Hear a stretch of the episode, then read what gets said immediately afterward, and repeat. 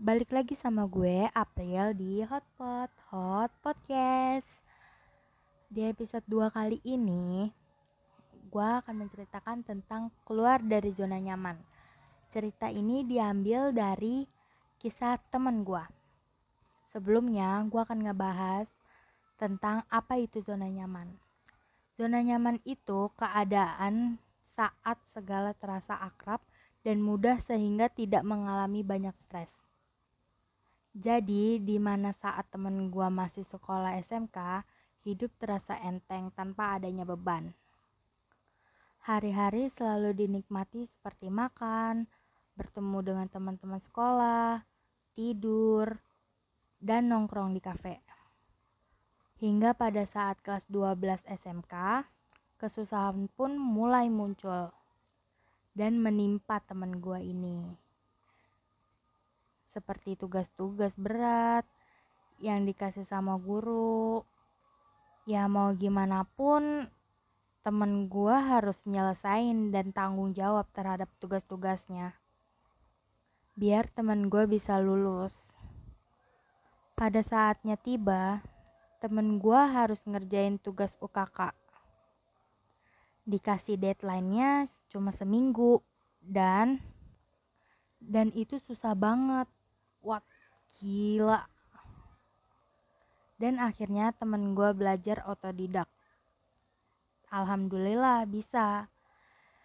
Dan pada sampai hari HUKK, teman gue bisa menyelesaikan dengan baik sampai pada saat waktu. Teman gue free pun, teman gue berpikir enak ya hidup gue tidak ada beban. Lulus sekolah, udah.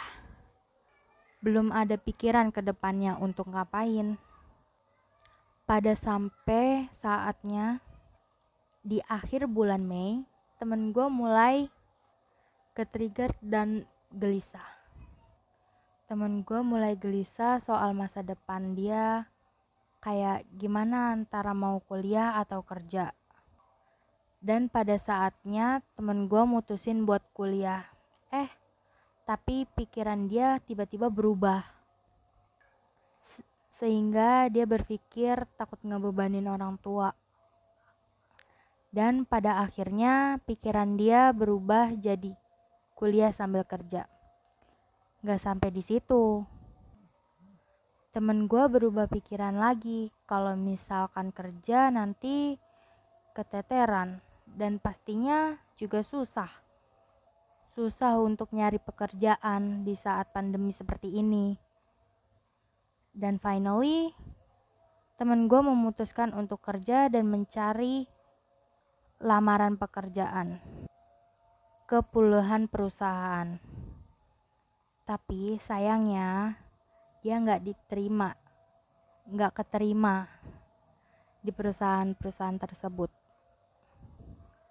Sedih dan stres nggak dapet kerjaan, belum bisa ngasilin uang, Rasanya seperti ini keluar dari zona nyaman. Sekalinya ada yang manggil interview, itu perusahaan tipu-tipu. Pada saatnya, temen gue harus mengambil langkah, yaitu memulai bisnis online menjadi reseller. Dan pada akhirnya, temen gue menjadi reseller. Dia membuka bisnisnya melalui online entah itu melalui Facebook, Twitter, Instagram, ataupun Shopee. Jadi, seperti itulah kisah teman gua. Nah, menurut kalian gimana nih? Kalian ada yang kayak gini juga nggak? Merasa keluar dari zona nyaman kalian? Kalau kalian merasa ada yang keluar dari zona nyaman, kalian bisa cerita juga sama gue, oke? Okay?